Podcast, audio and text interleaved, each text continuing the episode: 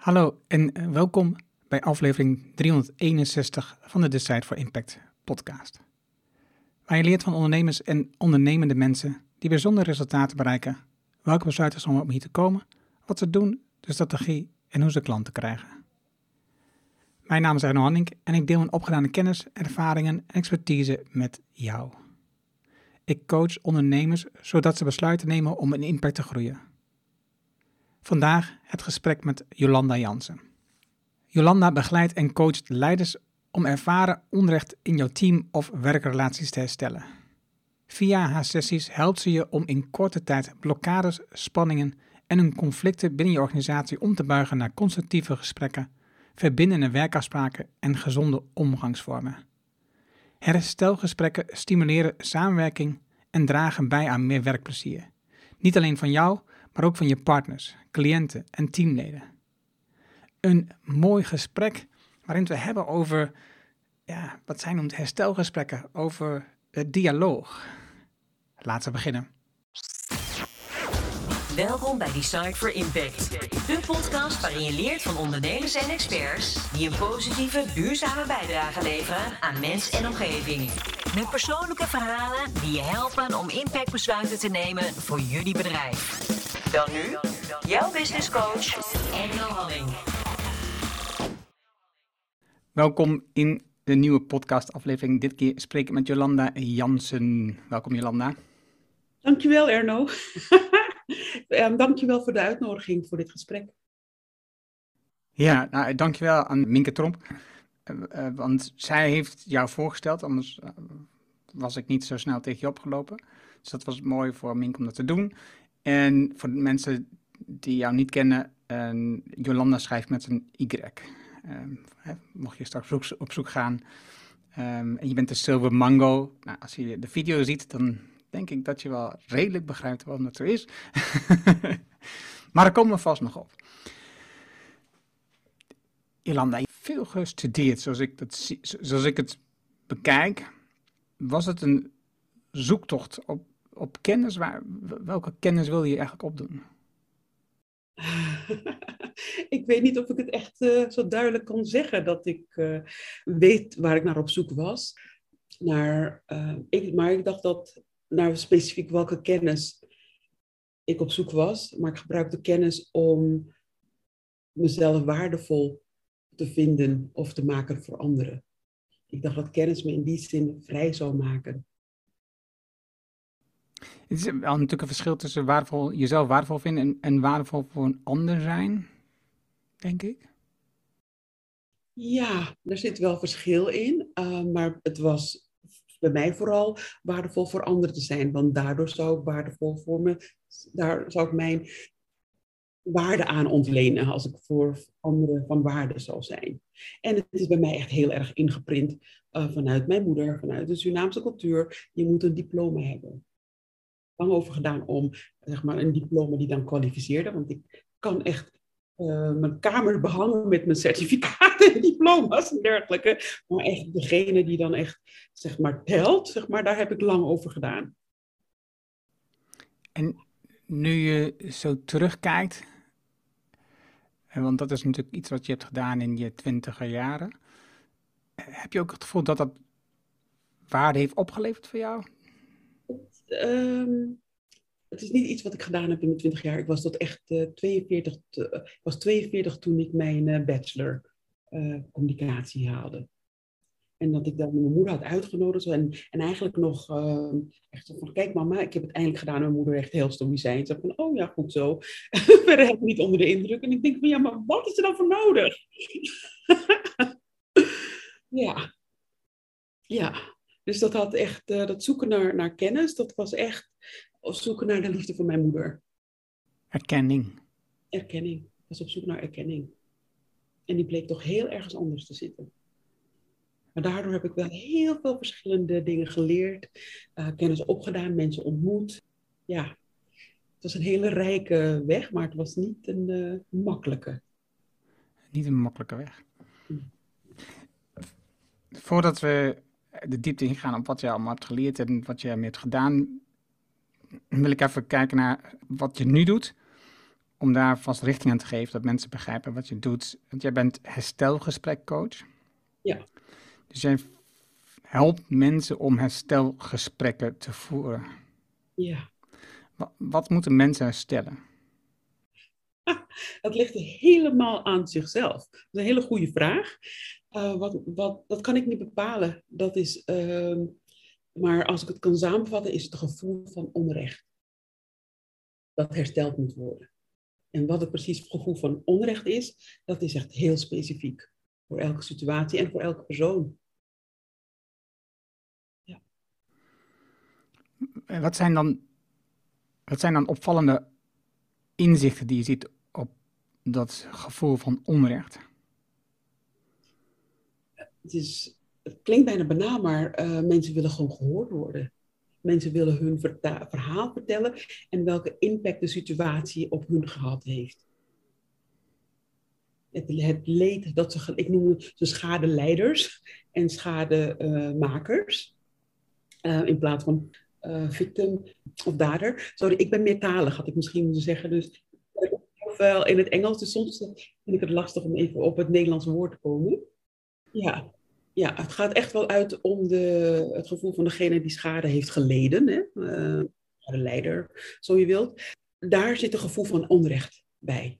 En dat, dat in het proces wil gaan kijken of dat er recht gedaan kan worden.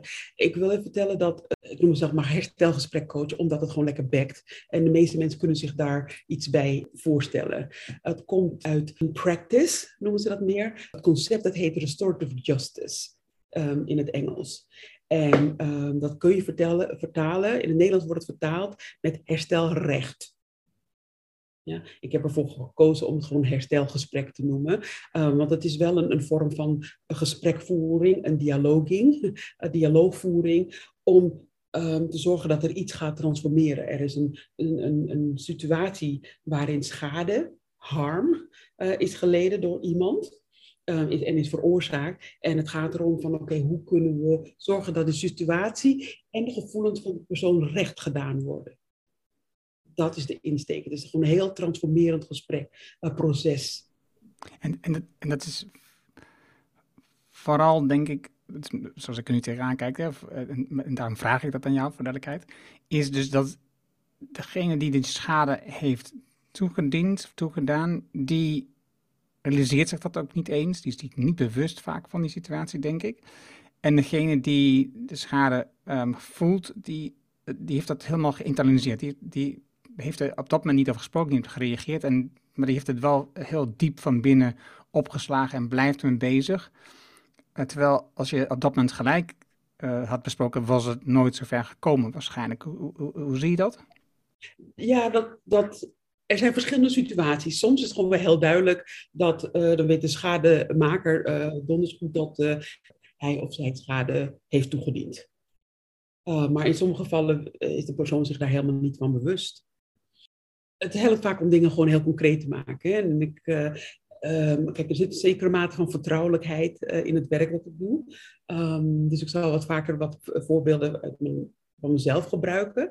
Um, een tijd geleden zat ik in een nieuw bestuur en um, we waren bezig een, stichting op te zetten. En um, de voorzitter die nou, de taken verdeelt. En de voorzitter had daar een vraag in. En ik werkte samen met iemand anders. Die was wat jonger en die wilde, ja, die wilde wel bepaalde uh, dingen aanpakken.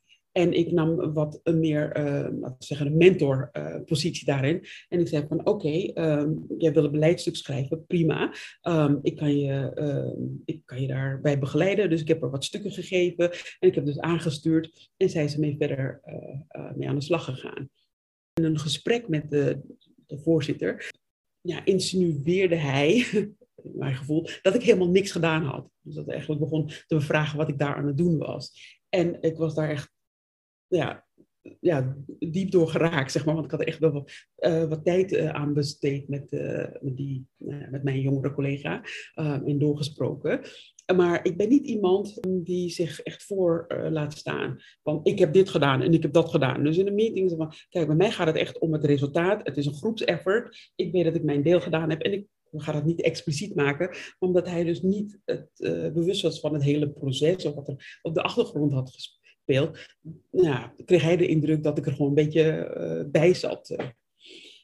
Oeh, dacht ik. En ik was net de, de, de, training aan het doen. En de opdracht van de training was van, is er iets in dit moment dat er speelt? En moet je dat, uh, ja, dan is dan je huiswerk om dat dus aan te kaarten. En ik dacht van, oh nee, dat wil ik niet. Eng, eng. Dus, uh, uh, maar dat heb ik dus wel gedaan. En de Restorative Justice, herstelrecht, heeft, kent drie, is gestoeld op drie vragen.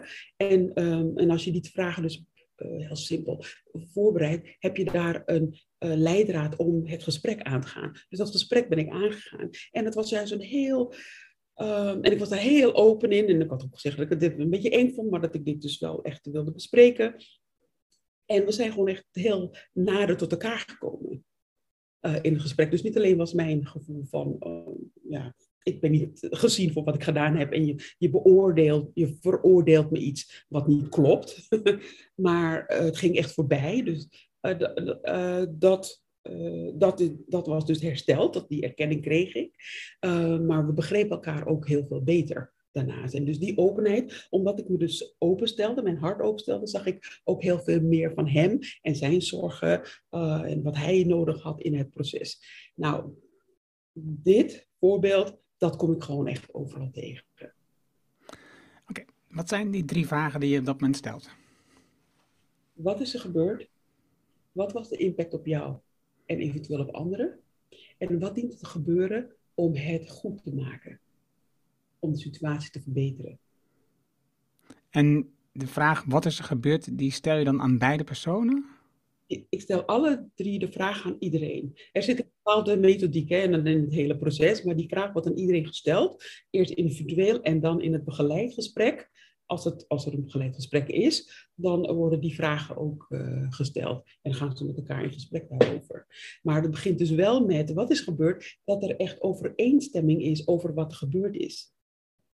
Want als je dat niet hebt, vooral echt in wanneer er dus een misdaad heeft plaatsgevonden, want je hebt schade, hè, dan kan vanuit nou ja, miscommunicatie zijn, uh, maar kan ook zeggen, ja, echt een misdaad.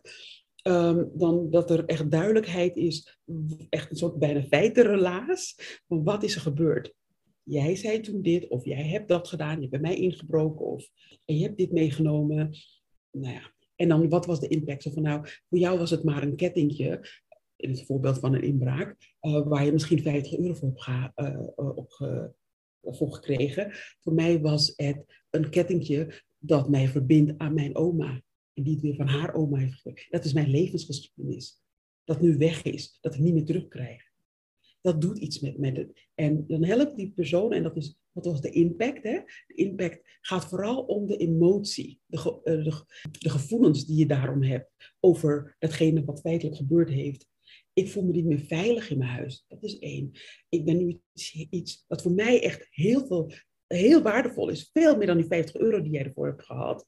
Een stukje van, uh, geschiedenis dat mij verbond echt aan mijn voorouders.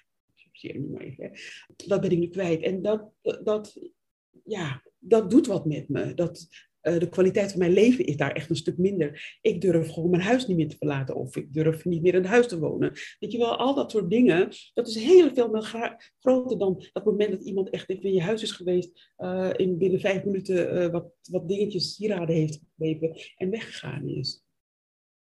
En dat, die uitwisseling, vanuit het perspectief van de schadeleider, om dat over te brengen, van dit is wat je mij aangedaan hebt.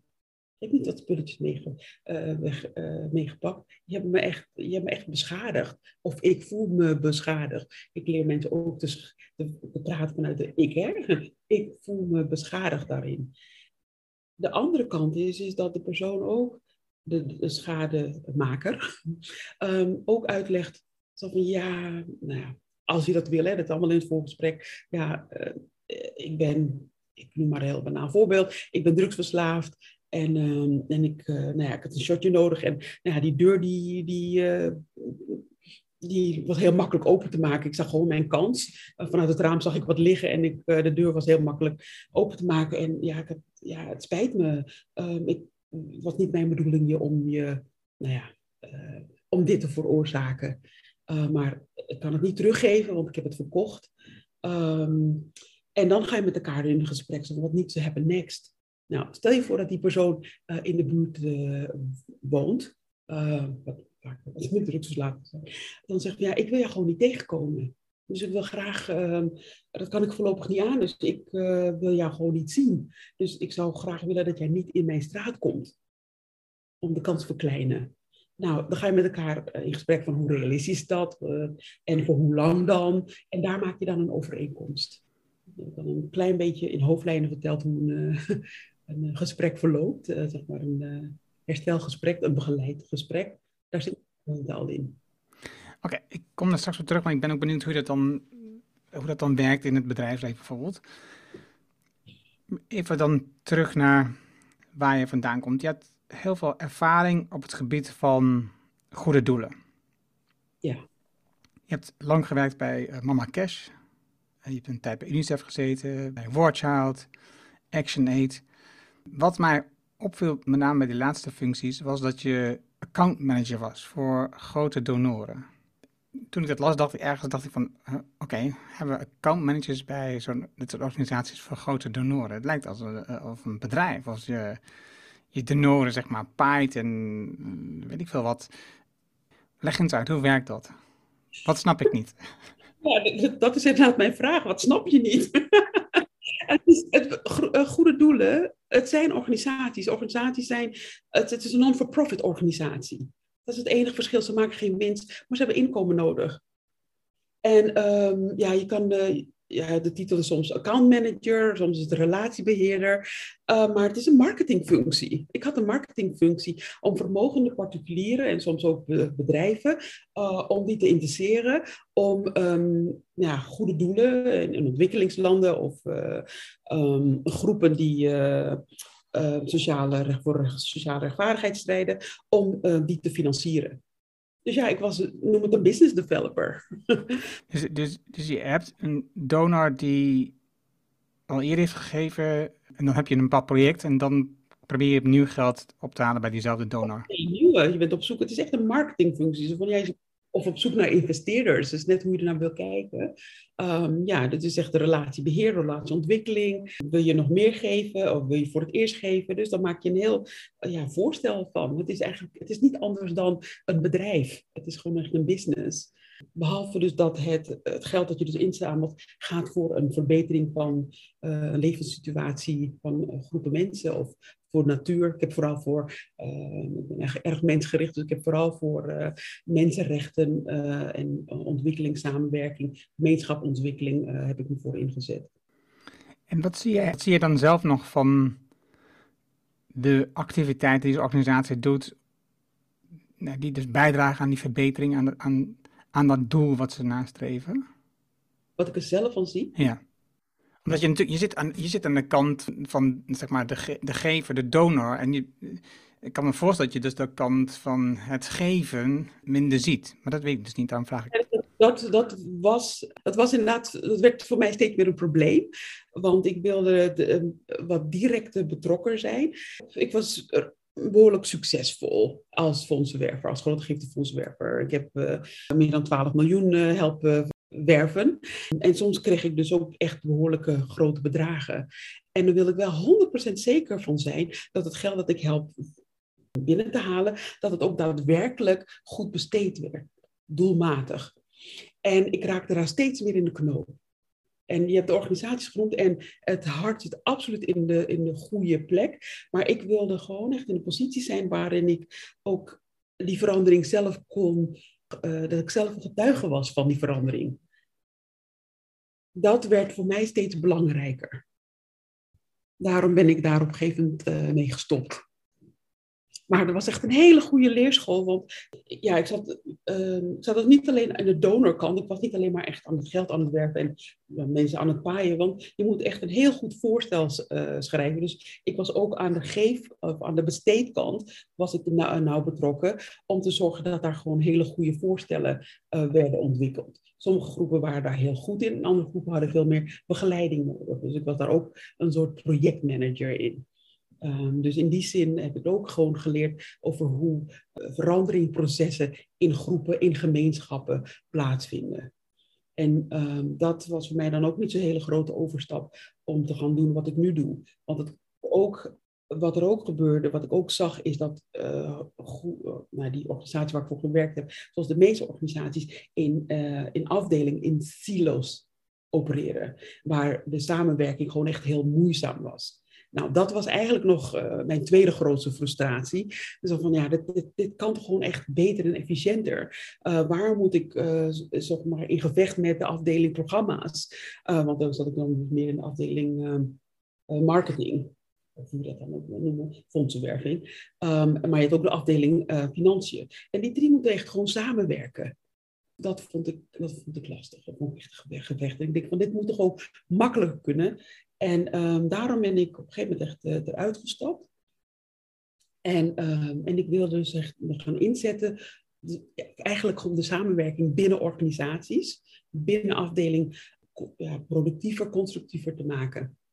En dan begon ik met workshops, um, zoals feedback uh, workshop. Uh, hoe geef ik constructieve, constructieve feedback?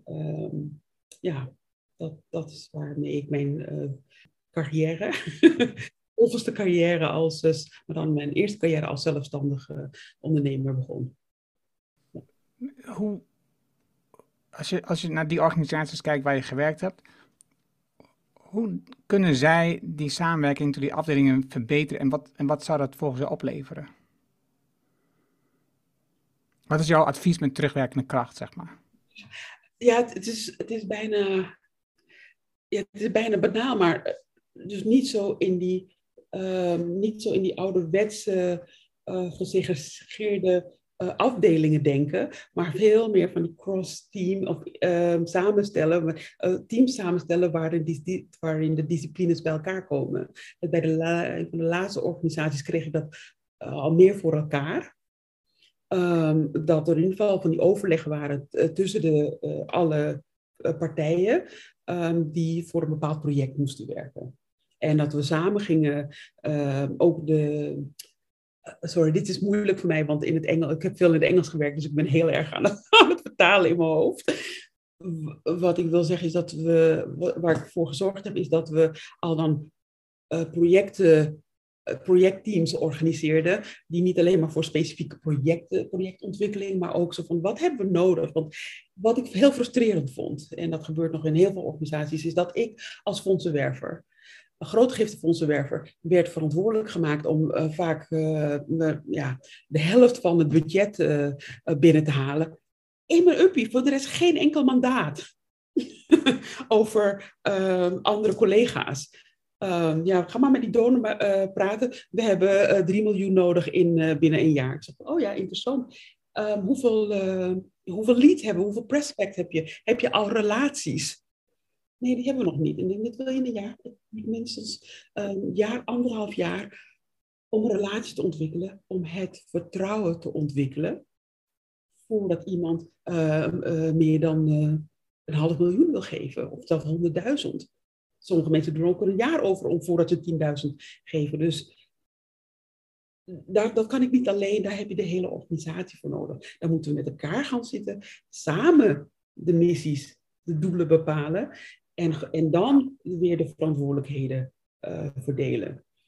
Heel erg simpel, maar dat was, dat, dat, was een, dat was een gevecht. En dat zie ik ook nog steeds in, in ook voor for-profit uh, bedrijven. Dat je uh, verantwoordelijk wordt gemaakt voor een, een doel, voor een target, maar niet gefaciliteerd wordt om dat op een efficiënte manier te leggen. Ja, sterker nog, ik denk dat, wat je al zegt, je zegt je wordt verantwoordelijk gemaakt voor een, voor een doel. Maar je hebt eigenlijk geen invloed op wat dat doel is. Dus, dus, dus, je krijgt een doel mee, zoals in jouw geval. Dus je moet eh, een miljoen ophalen in, in, in een jaar tijd. En op het moment dat je dat doel krijgt, heb je eigenlijk helemaal geen idee of het wel realistisch is. Dus, dus, je moet maar een doel nalopen waar je zelf helemaal geen invloed op gehad dat het jouw doel is geworden. En dus, eh, dus als je van tevoren uh, um, had kunnen meedenken over het doel, had je misschien kunnen zeggen, ja, ik vind het een goed doel. Maar ik denk dat we af moeten gaan voor een ton in een jaar of voor 3 miljoen in drie jaar. Hè? Dus, eh, dus dan heb je veel meer zeggenschap en dan daarmee dus ook meer betrokkenheid en autonomie over je doel. En ik denk dat dat het prettiger maakt om, om te werken ehm, in plaats van dat je een doel opgelegd krijgt. absoluut. En, hoe meer senioriteit ik had, hoe, meer invloed ik daarop had. En ik ben bij één uh, bedrijf, één organisatie, ben ik inderdaad weggegaan. Omdat, nou, er was heel veel stress. Uh, en er werd naar mij gevraagd van, wat, wat, is, wat is realistisch? En ik dacht, ja, ik ga niet mijn eigen, ik ga niet mijn eigen stress creëren. dus ik heb echt heel realistisch begroting ehm, of een forecast eigenlijk zelf, um, gedeeld. En toen hebben ze besloten om mijn functie eruit te halen. Um, een jaar later, en ik ben dus weggegaan, er moest bezuinigd worden. En ik ging kijken van, oké, waar is laaghangend vooruit? Maar dit zei, groot gifte werven. Ik denk echt, alles is gewoon relatieontwikkeling. En dat heeft tijd nodig. Je moet vertrouwen opbouwen. en ik wist inmiddels, ik werkte jaar, ik wist, uh, ik had inzichten van, van de stand van zaken. En ik, ja, ik ga niet binnen een jaar een miljoen halen. Dat gaat, dat gaat hem gewoon niet worden. En ik ga, dat ook, ik, ga dus, ik ga dus ook niet liegen. Ik ga dus niet betere cijfers uh, geven zodat ik mijn baan kan behouden. Dus die, ja, mijn functie werd geschrapt. Um, en we zijn op een goede manier weggegaan. Um, en nou, een jaar later kwam er een nieuwe directeur. Want er waren andere issues en uh, werd er iemand anders voor aangenomen, maar ik was inmiddels weg. En bij de volgende zei ik van ja, jullie hebben ambities. Dit is de analyse die ik heb en dit is wat ik denk dat realistisch was. Dat was dus ook een veel betere manier van werken. En daar kon ik ook heel veel meer. -hmm. Nu werk je, heb je voor jezelf als freelancer, maar ook in je bedrijf nu veel gewerkt vanuit dat soort misvattingen, omstandigheden, om dat te verbeteren zodat die relaties beter worden, die samenwerking beter wordt. En dat is de weg die je gekozen hebt om, om je te focussen in alle aspecten die daar een rol spelen in die functies die je hebt gehad. De andere functie, zeg maar, de andere rol in, in die functie was natuurlijk gewoon dat geld ophalen. En dus de goede doelen in de wereld um, vooruit helpen met, met middelen. Is dat iets wat je vandaag nog doet? Of is dat iets wat je juist mist? Of is dat iets waar je van denkt in de toekomst, dat ga ik weer oppakken?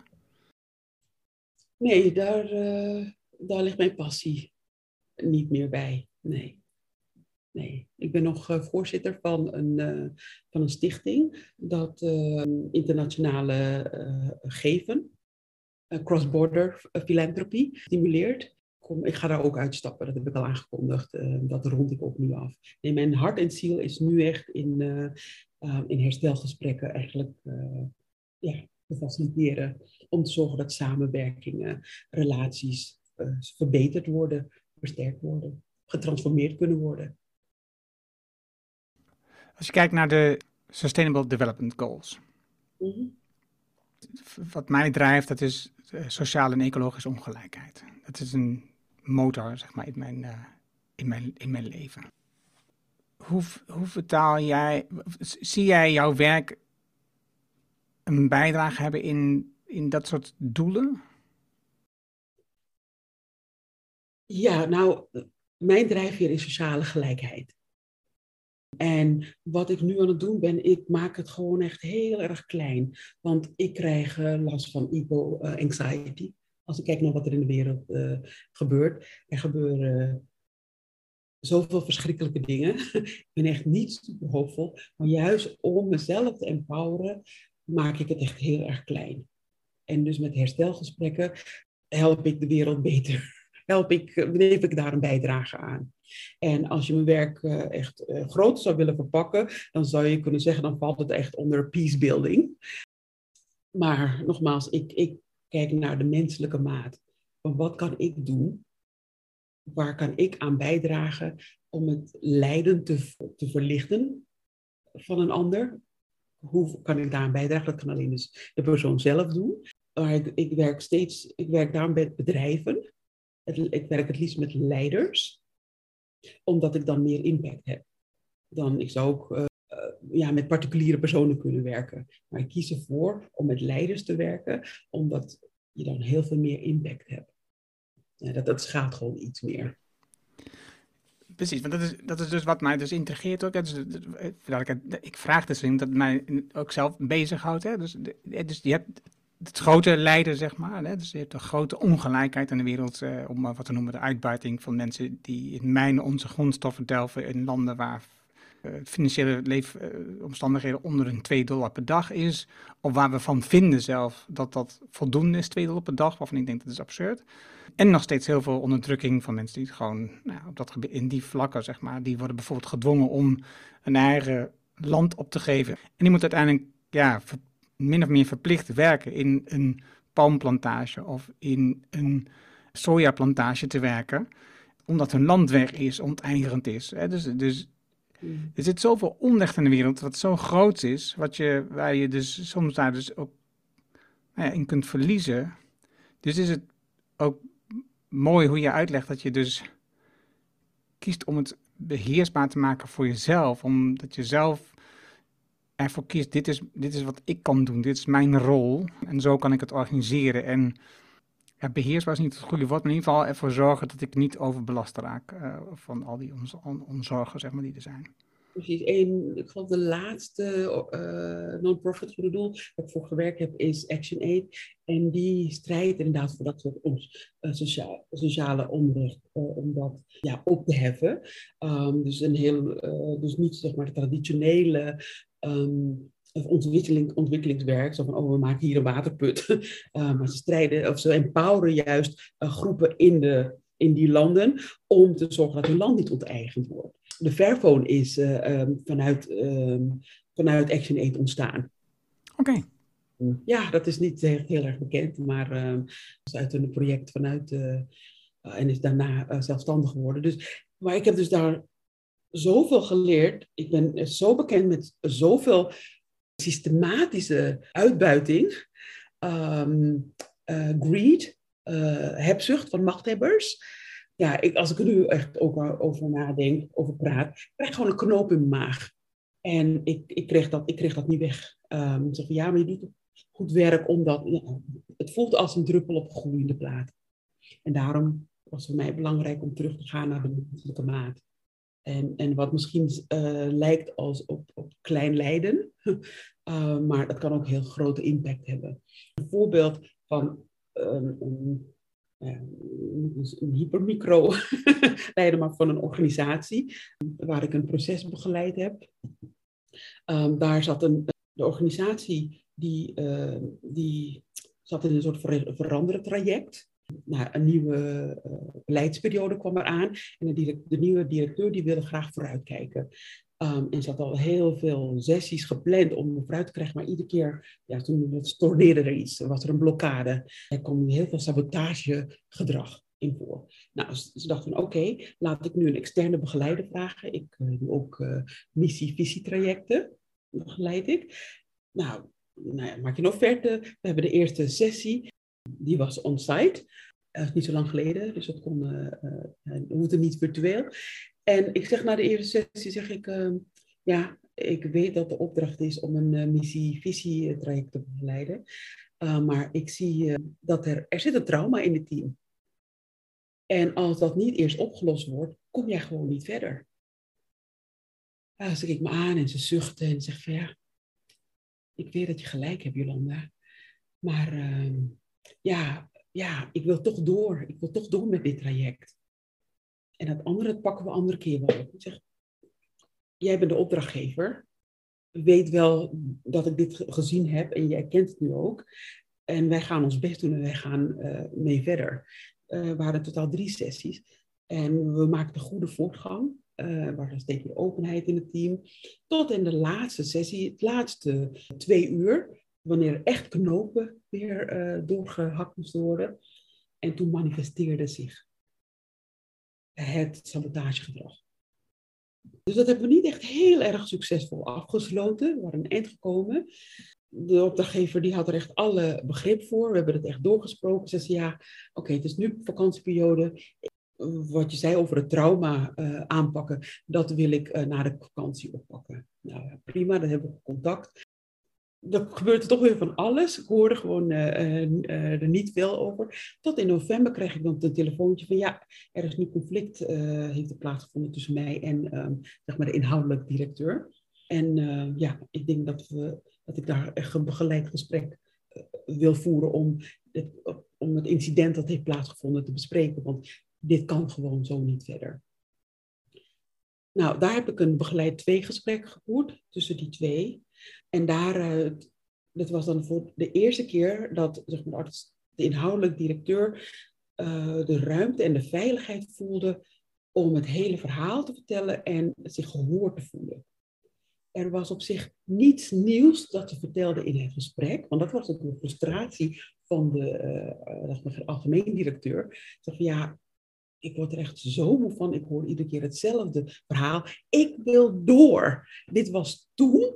We hebben het, het is, ik, heb, ik heb het begrepen, ik weet het, maar ik ben een ander persoon, ik ben een nieuwe directeur, ik wil door.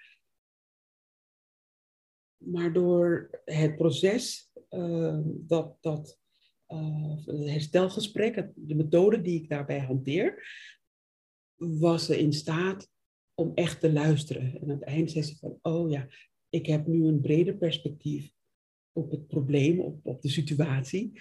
En een, een, een concrete uh, uitkomst was ook, tijdens, aan het einde van het gesprek, is dat ze samen besloten, uh, de inhoudelijk directeur zei van ja, dit heeft mij zo geholpen om echt mij gehoord te voelen, dat nu echt luistert naar wat de impact vooral is geweest van al die voorgaande directeuren met hun eigen agenda's en hun verdeel- en heerstechnieken en tactieken.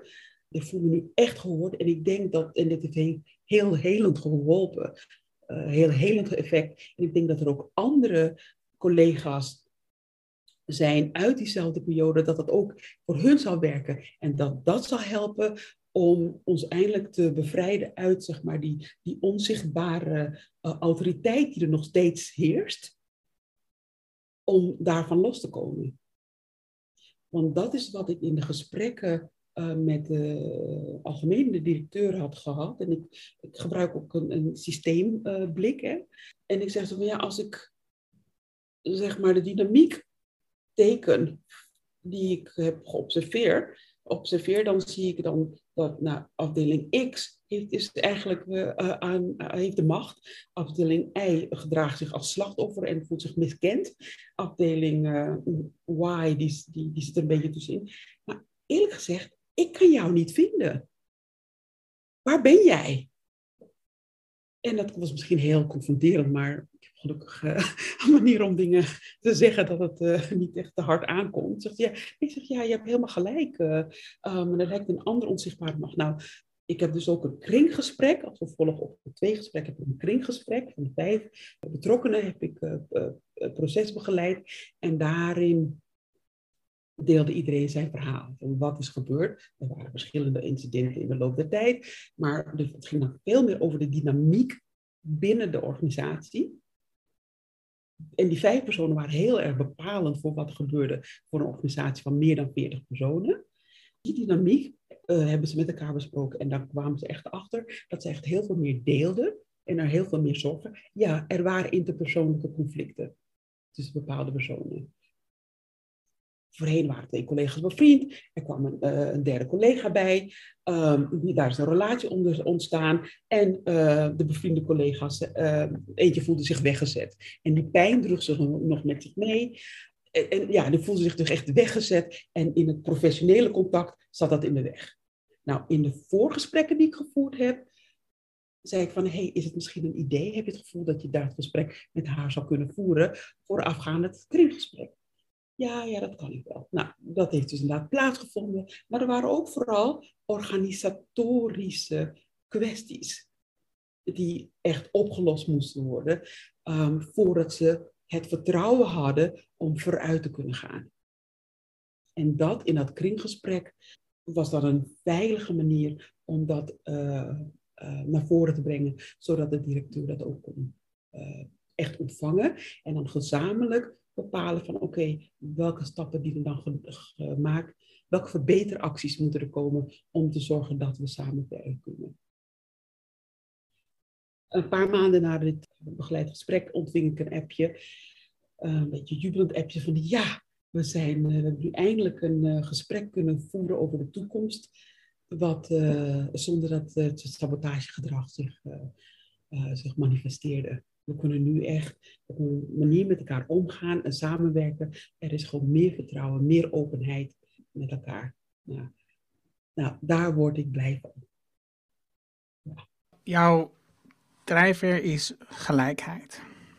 Ik kom zo terug op dit gesprek. En ehm, hoe vertaal jij, wat betekent gelijkheid voor jou? Oei. oh, dat is uh, echt een hele goede vraag. Ik heb daar niet echt een, een definitie voor. En je, en je, zegt, je vraagt ook naar uh, de betekenis. Gelijkheid en vrijheid zijn, met mij, zijn voor mij met elkaar verbonden. Gelijkheid betekent voor mij dat een ander niet de macht over mij heeft. Of het nou echt heel concreet is, maar dat ik op een gelijkwaardigheid. Dat gelijkheid heeft eigenlijk meer de betekenis van gelijkwaardigheid. En gelijkwaardigheid betekent niet dat we dezelfde verantwoordelijkheden hebben. Het betekent wel dat we verantwoordelijkheden hebben. De inhoud van die verantwoordelijkheid kan iets heel anders zijn. Maar we zijn alle twee gelijk in die zin van. De gelijkheid is gewoon heel. Even met mij met uh, waardigheid te maken, met dignity. Dat je lastig woord met die. We zijn allemaal inherent, we zijn mensen. En daarin zijn we gelijk. Gelijkwaardigheid heeft daar mee te maken, met waardigheid te maken. En als je dan echt over gelijkheid hebt en, en sociale ongelijkheid, dan gaat het dan over kansen. Het gaat over mogelijkheden, het gaat over toegang, het gaat over heel erg veel meer. Het kan echt een hele andere podcast worden. Om daarover te praten. Nou ja, ik denk, ik, ik vind dat een super interessant onderwerp. En ik denk dat er veel, op veel verschillende manieren wordt gedacht over gelijkheid. En als je de link legt naar bijvoorbeeld die gesprekken die je net vertelde, of überhaupt kijkt naar hoe we in de maatschappij gelijkheid ervaren, dan, dan zie ik het voor me dat het waardevol is, het werk wat jij doet, om inzicht te geven in wat betekent eigenlijk gelijkheid voor iedereen. In een groep, in een samenstelling, in een organisatie, in een bedrijf. Omdat ongelijkheid bijvoorbeeld jaloezie oproept. dus dus uh, en jaloezie uh, is een blokkerende factor. Is, is zo'n is zo'n iemand die blokkades opwerpt om vooruit te gaan, bijvoorbeeld. Hè? Dus ik, ik zie heel goed voor me wat de waarde is van het werk wat je doet. Als je het zou kunnen toepassen om meer duidelijkheid te krijgen, meer gelijkwaardigheid te krijgen in hoe, hoe we over vrijheid denken, over gelijkheid denken. Omdat er zoveel verschil in zit hoe, wat we ervaren als gelijkheid of vrijheid of, ongelijk, of ongelijkwaardig. Ja, kijk, dit kan echt heel erg uh, abstract worden. En, uh, en ik voel al wat je net zei, ik snap helemaal wat je zegt. Maar het, het helpt vaak om het aan een concrete issue te verbinden. Ik, ik, heb het over herstelgesprekken. Nou, dat is gewoon. Uh, het komt dus over het concept. Het komt voort uit het concept restorative justice. Dat is echt wat letterlijk vertaald restorative herstel, rechtvaardigheid. en met gelijkheid heb je ook, heeft vaak ook te maken met gehoord zijn. Dat je je stem mag gebruiken. Ja, dat je mee mag praten, dat je mee mag beslissen. Of dat je in ieder geval invloed hebt. Weet je, dus de mate van invloed, hoe meer invloed je hebt, hoe gelijker je voelt. ja. Ik pleit er dan ook voor dat, dat bedrijven na zeg maar, een cultuur van innovatie, wat heel veel bedrijven dat noemen, klinkt heel sexy word, culture of innovation en creativity, echt super belangrijk. Ook een een cultuur van, eh, hier kom ik in de knel met het uh, uh, Nederlands en het Engels, but also a restorative culture ontwikkeld. Een, een herstelcultuur. Zo moeilijk was het niet. um, vooral als je in organisaties waar er veel ontwikkeld wordt, wanneer je creëert, kunnen ook dingen fout gaan. Van een, een organisatie, socioloog uh, zelf, hij zegt van je kunt de waarde van een organisatie kun je meten aan hoe ze met fouten omgaan. Ik heb een opleiding gedaan, Pink, ehm, en voor creatief leiderschap. En ehm, daar heb ik heel veel geleerd van en hoe je uh, creatieve ontwikkelingsprocessen, dus innovatieprocessen kunt begeleiden. Wat ik daaraan wil toevoegen is dus die herstelcultuur. Want wanneer ik vind dat mensen vuilbare wezens zijn, zijn inherent vuilbaar. Mensen maken fouten. Dat is een geven. Dat is, dat is, mens, dat is gewoon mens eigen. Als je fout, en dat is dus niks mis mee. Het gaat erom van hoe ga je met die fouten om? Dus wat ik uh, met mijn werk wil doen, dat is eigenlijk mijn grote missie, is om te zorgen dat, uh, of bij te dragen, stimuleren, mensen empoweren, om goed met fouten om te gaan. En daar zijn herstelgesprekken is daar een voorbeeld van. Er zijn heel veel verschillende manieren. Dit is echt mijn pad. En het is gewoon echt super simpel. Als er iets uh, gebeurd is, je voelt je daar echt ongemakkelijk bij. of je voelt dat jij iemand onrecht gedaan hebt. Niks menselijk is ons vreemd. Of je nou dader of slachtoffer bent.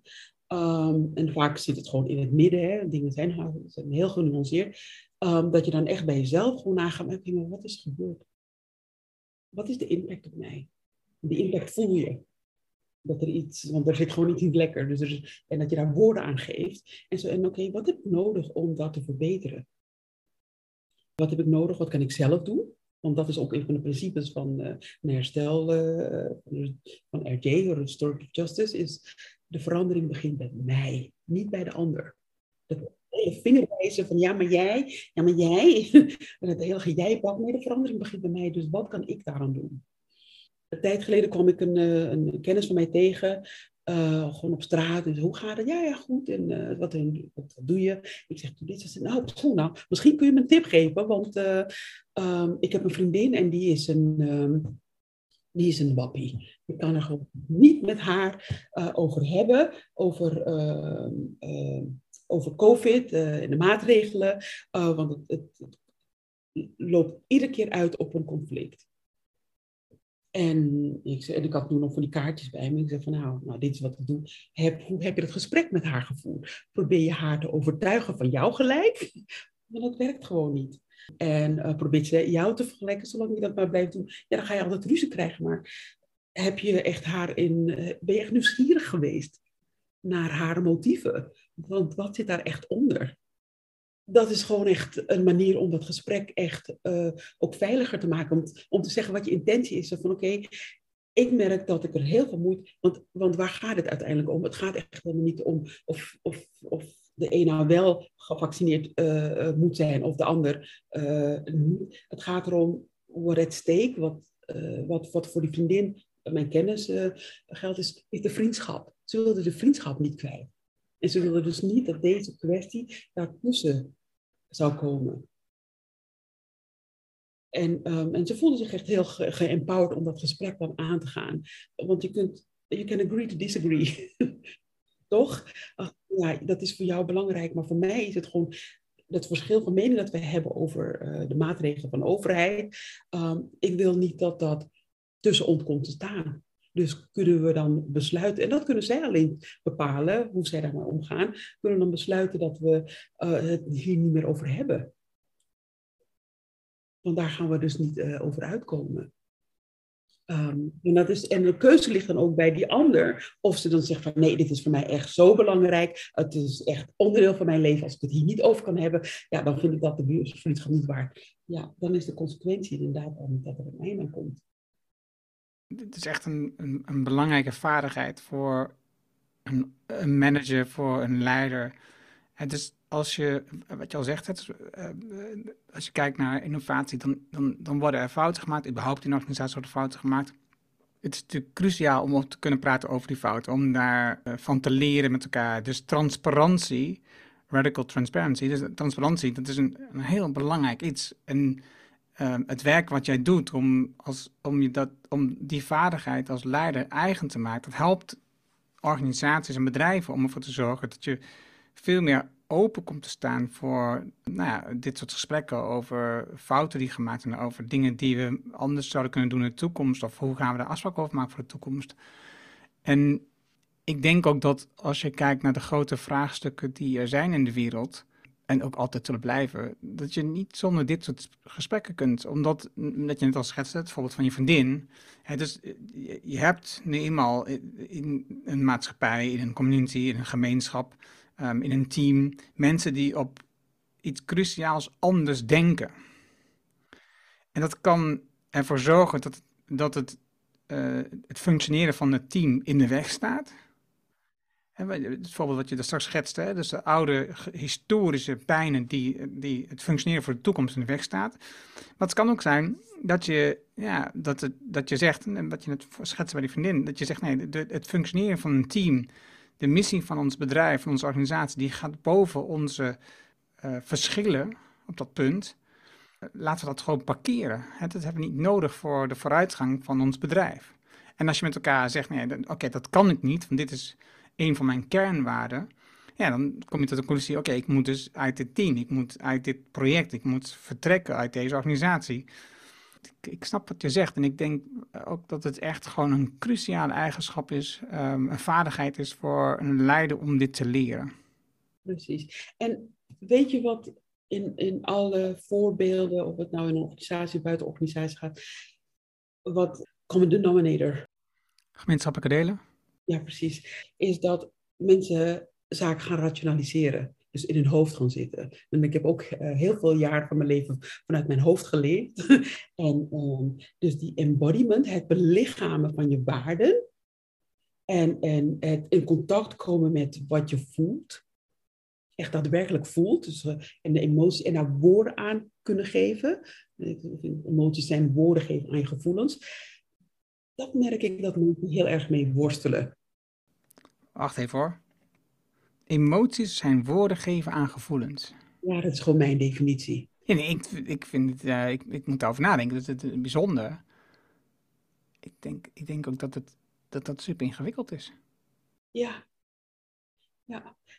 Dus bijvoorbeeld in een van de. Uh, ja, want wat voel ik nou? En, uh, je bent vast bekend met uh, Marshall Rosenberg, non-violent non geweldloze communicatie. Niet voldoende. Oké, okay, nou ja, dat, dat is ook een, een, een, dia een dialoogmethode. Non-violence communication is hij de grondlegger van. En daarin wordt ook heel veel aandacht gegeven aan je, aan je gevoelens. Dat je helder krijgt van wat, wat voel ik nou eigenlijk?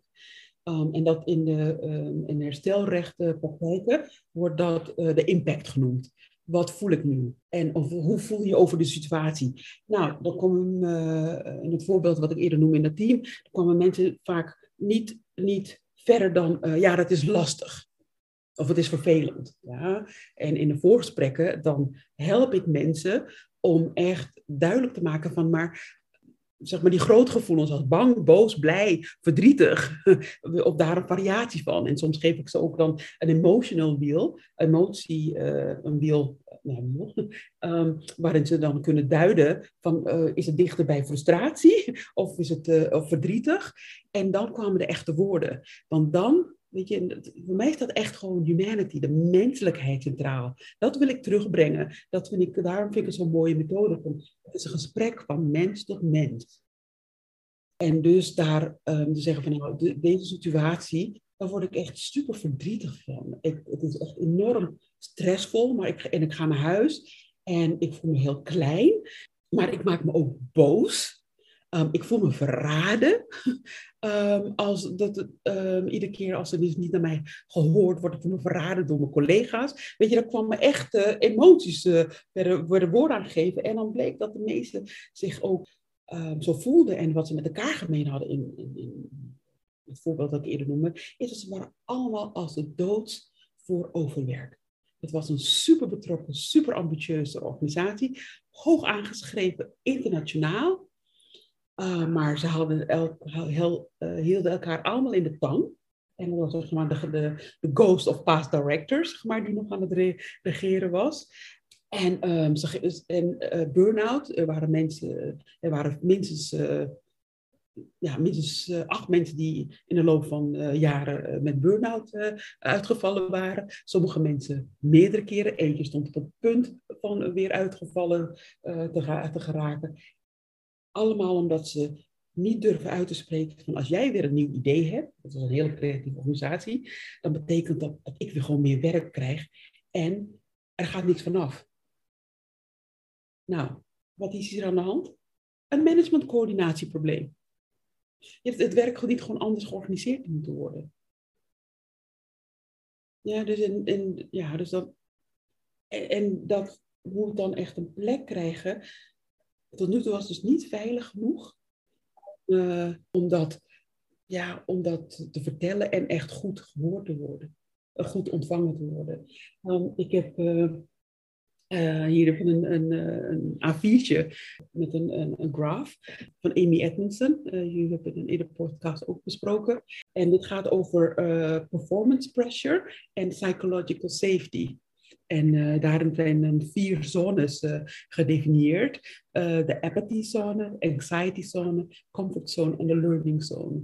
En je kan raden, deze organisatie staat gewoon echt al jaren in de anxiety zone. Nou probeer jij vanuit een, situatie waar je constant nervositeit en, en, en, frustratie en paniek voelt, om daar creatief te blijven zijn. Dus eigenlijk, het lukte hun wonder wel, maar de kost was heel erg hoog.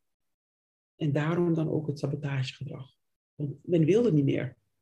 Ze blokkeerden van nu is het genoeg geweest. Nieuwe directeur of niet, we willen gewoon niet meer. Dat is het dus eigenlijk ook. Dus een leider die een veilige omgeving kan creëren. Dat is, dat is denk ik de gouden pil. Dat is niet waar, maar bij wijze van. Hè? Voor een goed bedrijf. Antoinette Weibel bijvoorbeeld, uh, samen met Otti Vocht die hebben iets opgezet dat heet Good Organizations. En daarmee onderzoeken ze. Ze zitten, Antoinette zit in, in Galan, Universiteit van Galan zit ze. Dus ze doet onderzoek naar trust, uh, vertrouwen. Dus zij. Ze onderzoeken nu samen wat, is eigenlijk, wat zijn eigenlijk goede organisaties. Wat, wat, wat betekent dat? En ik denk dat, en ik haal het ook uit jouw woorden, maar ik denk ook dat dat zo is. Dat dus een goede organisatie, daar heb je dus een leider die ervoor zorgt dat, dat, dat de omgeving veilig is. Zodat je, fouten kunt toegeven, je kunt uiten, je kunt laten zien wat je, wat je raakt. En als je dat niet doet, dan, dan zul je uiteindelijk een organisatie krijgen die niet optimaal functioneert en mensen uiteindelijk vertrekken ook gewoon. Ja, precies. Want uh, kijk, uh, andere ja, ik weet niet het een trend is, ik noem maar een trend is van oké, uh, een, een, faalcultuur, hè, falen mag, weet je, dat het heel echt bejubeld wordt. Ja, maar hoe ga je om wanneer je echt daadwerkelijk gefaald hebt? Wat zijn de consequenties? en daar hoor ik nog te weinig over. Um, en de vaardigheid uh, van als je echt gewoon een fout hebt gemaakt, de meeste fouten zijn niet moedwillig. En zelfs echt hele ja, MeToo-achtige fouten. Denken mensen, geloof ik dan, hè, dat ze niet denken dat ze echt kwaad doen. Want ze hebben gewoon een eigen beperkte perspectief op zeg maar, hun handelen wat ik dus echt hoopvol vind voor uh, de samenleving, is als we allemaal gewoon leren uh, vaardig worden in het herstellen van fouten. Het krijgt verschillende componenten aan, is dat je de, de, accountability, het erkennen dat je een fout gemaakt hebt, dat, je dat, dat, het, nou ja, dat het dan veilig genoeg is om dat te doen. En dat je dus ook empowered bent en, en dus ook bemoedigd wordt om mee bij te dragen aan het beter te maken. Dat is ja, dus uh, wat is het, redemption? Um, ik vind dat een veel heilzamere weg uh, dan zeg maar meer de strafrecht uh, bril wat we nu hebben. Je hebt het fout gemaakt, dus je moet gestraft worden. Dus wat ik ook zo mooi vind in, in, in, herstelrecht, zijn die principes dat we niet praten over schuld en schaamte dat je daaraan voorbij gaat. Je kan de gevoelens hebben van schuld en schaamte, maar ja, daarin blijven, vastzitten, dat, dat helpt niks. Dat helpt niemand. Er is niemand bij gebaat. Gelijk hebben en ongelijk hebben, dat zijn ook concepten waar je echt niks mee kan. Um, het is veel beter om te kijken van hoe nu verder. Dat is, dat is natuurlijk het punt. Gelijk hebben, gelijk krijgen. Dat is op dit moment, hè, we zitten nu in um, augustus 2022. Op dit moment hebben we uh, boerenprotesten, om even een voorbeeldje uh, te geven. Hè. Dus, en daarin Um, en dat zien we steeds meer in de polarisatie van de maatschappij. We zien het enorm toenemen. We hebben ook een boek over, gelezen, over besproken. En, uh, waarbij dus iedereen vindt dat hij gelijk heeft. En dat de ander wil laten weten wat hun gelijk is. Weet je? Wij vinden dat het zo is. Um, met stikstof, dat uh, wij vinden dat wij onze boerderij moeten houden. Wij vinden dat de natuur um, niet meer stikstof kan verdragen. Kijk naar de omstandigheden van de wereld. En dus doen niets anders dan argumenten aanreiken waarom we, laten, waarom we vinden dat wij gelijk heeft en de ander niet. En dus wat jij zegt, het voorbijgaan aan gelijk hebben, dat is, dat is natuurlijk een, een hele mooie beweging, maar niet eenvoudig. Nee, dat is absoluut eenvoudig. En um, als je een. Uh, het punt met, uh, wat ik nog benadrukken met een herstelgesprek is, het is altijd op basis van vrijwilligheid. De deelname eraan. Want als jij niet van plan bent om jouw standpunten te verbreden, noem ik dan, of te verschuiven in je standpunt, dan heeft het geen enkel zin. Dan ga je tegenover elkaar staan. Dat is geen herstelgesprek. Um, en dat wil niet zeggen dat je het, standpunt van de ander wil overnemen, maar dat je wel bereid bent om te gaan kijken van oké, zijn er misschien alternatieve oplossingen? Ja, je moet echt op zoek gaan naar de nuances en dat in, in die grijsgebieden, dat daar zit, zitten heel veel meer mogelijkheden dan men denkt. Maar als je zegt van zo moet het en niet anders, en ik heb gelijk en je hebt ongelijk, ja, dan kom je niet verder. Dus het is een, het is een, uh, een herstelgesprek, net als andere conflicthanteringsmethodes, is het een, is een di dialogue. Je gaat echt met elkaar in gesprek. Dus je moet wel met elkaar in gesprek willen gaan over wat er gebeurd is. En soms moet je dus eerst al iets gaan oplossen van hoe dat tot stand gekomen is. Hè? Weet je, dat besluit van de regering. Van, wij voelden ons niet voldoende in, in, gehoord. Dus dan moet je daar even eerst, wat herstellen. Uh, voordat je dan echt uh, dan naar nieuwe oplossingen kunt gaan. Net als in het voorbeeld van uh, die historische trauma. Dat moest echt eerst echt gehoord worden en begrepen worden, ontvangen worden en erkend worden in dat geval door de, door de nieuwe algemene directeur voordat ze men open kon staan voor andere, voor nieuwe oplossingen. Wij lazen um, recent het boek Superfalen. Daar werd als een van de ideeën aangereikt om een faalbuddy, maar wat nog belangrijk was, om bijvoorbeeld iets als fuck-up nights of een maandelijkse uh, fuck-up middag te organiseren, waarbij je dus de grootste fout met elkaar bespreekt. Hoe zie jij dat? Wat, wat, dat zijn allemaal geweldige uh, tactics, tools, middelen, uh, interventies die je, kunt, uh, die je kunt inzetten. En dat moet passen bij de organisatiecultuur.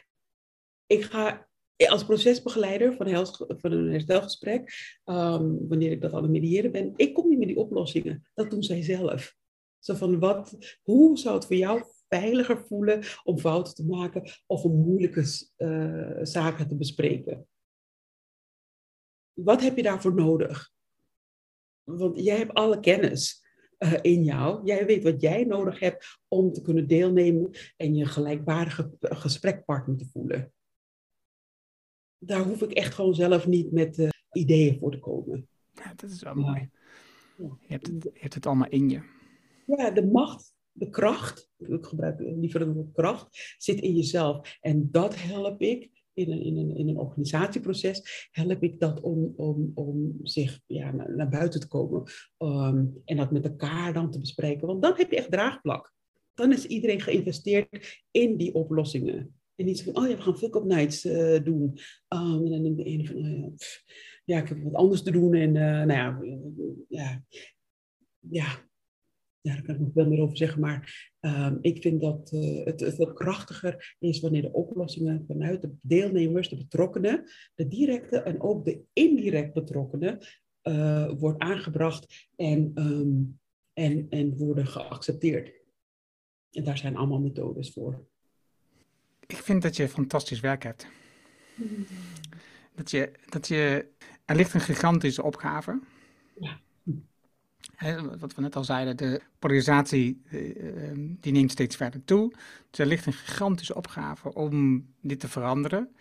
En tegelijkertijd vind ik het mooi, het is een voorstelling waar ik zelf ook heel vaak tegenaan loop, is het mooi omdat je zegt, ik kies ervoor om dit heel klein te maken, om het op een manier te doen zodat ik het kan beheersen. Zodat ik controle behoud en niet overladen wordt met stress, spanningsgevoel, omdat er nog zoveel werk te doen is.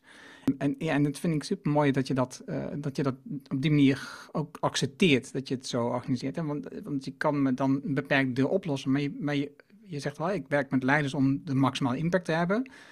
En maar je zou, je zou ook met wereldleiders kunnen werken. Je zou met, met een Nederlandse uh, overlegstructuur, zoals bijvoorbeeld het boeren of, of rondom COVID kunnen werken. Dat, is dan, dat heeft dan meer impact. Maar ja, je kan ook zeggen, nee, ik concentreer me op die leiders. Want dan bereik ik in een organisatie heel veel. Bijvoorbeeld om in innovatiekracht te vergroten, omdat je uh, aan al die andere aspecten ook aandacht schenkt. Dus ik vind, ik vind dat je een fantastische rol hebt gekozen hierin uh, ontdekt of ervaren. Weet niet zeker, maar... Ik weet het niet. Het kan zijn dat ik op een gegeven moment wel met de regeringsleiders ga praten. Ik weet het gewoon niet. Nee, precies. Nee, dus, en, dat, en dat zie ik ook. Dat snap ik ook. Dus dat, is, dat zeg ik. Dat is eigenlijk dezelfde wassing die ik ook ervaar. En ik denk dat dat pad zich eigenlijk vanzelf wijst. Hè? Dus als je, eh, als je zegt, nu doe ik dit. En dan komt er iets op je pad waarvan je zegt, oh ja, eh, oké, laat ik dit oppakken. En je hebt natuurlijk al zoveel expertise opgedaan um, bij die ja, grote goede doelorganisaties overleggen, de culturele verschillen. Dus je hebt al heel veel ervaring in je bagage. Ja, eh, fantastisch werk. Dankjewel Jolanda. Super. Nou, dankjewel. Dankjewel voor het gesprek. Ik vond het echt heel erg leuk. Ja. Dank je, dank je voor je inzichtelijke vragen. Ja. Dat was het mooie gesprek met Jolanda. Je vindt de namen en links die we noemden in het artikel dat bij deze uitzending hoort. Ga daarvoor naar decideforimpact.com slash show 361. Wil je vanzelf automatisch de volgende aflevering van deze podcast op je telefoon ontvangen? Dat kan eenvoudig. Heb je een iPhone, dan zit daar standaard de Apple Podcast app op. Open deze app en zoek op de Decide for Impact podcast. En klik op abonneer. Heb je een Android-telefoon, ook eenvoudig. Installeer eerst bijvoorbeeld de Player FM app. Open deze app, zoek de Decide for Impact podcast en klik op abonneer.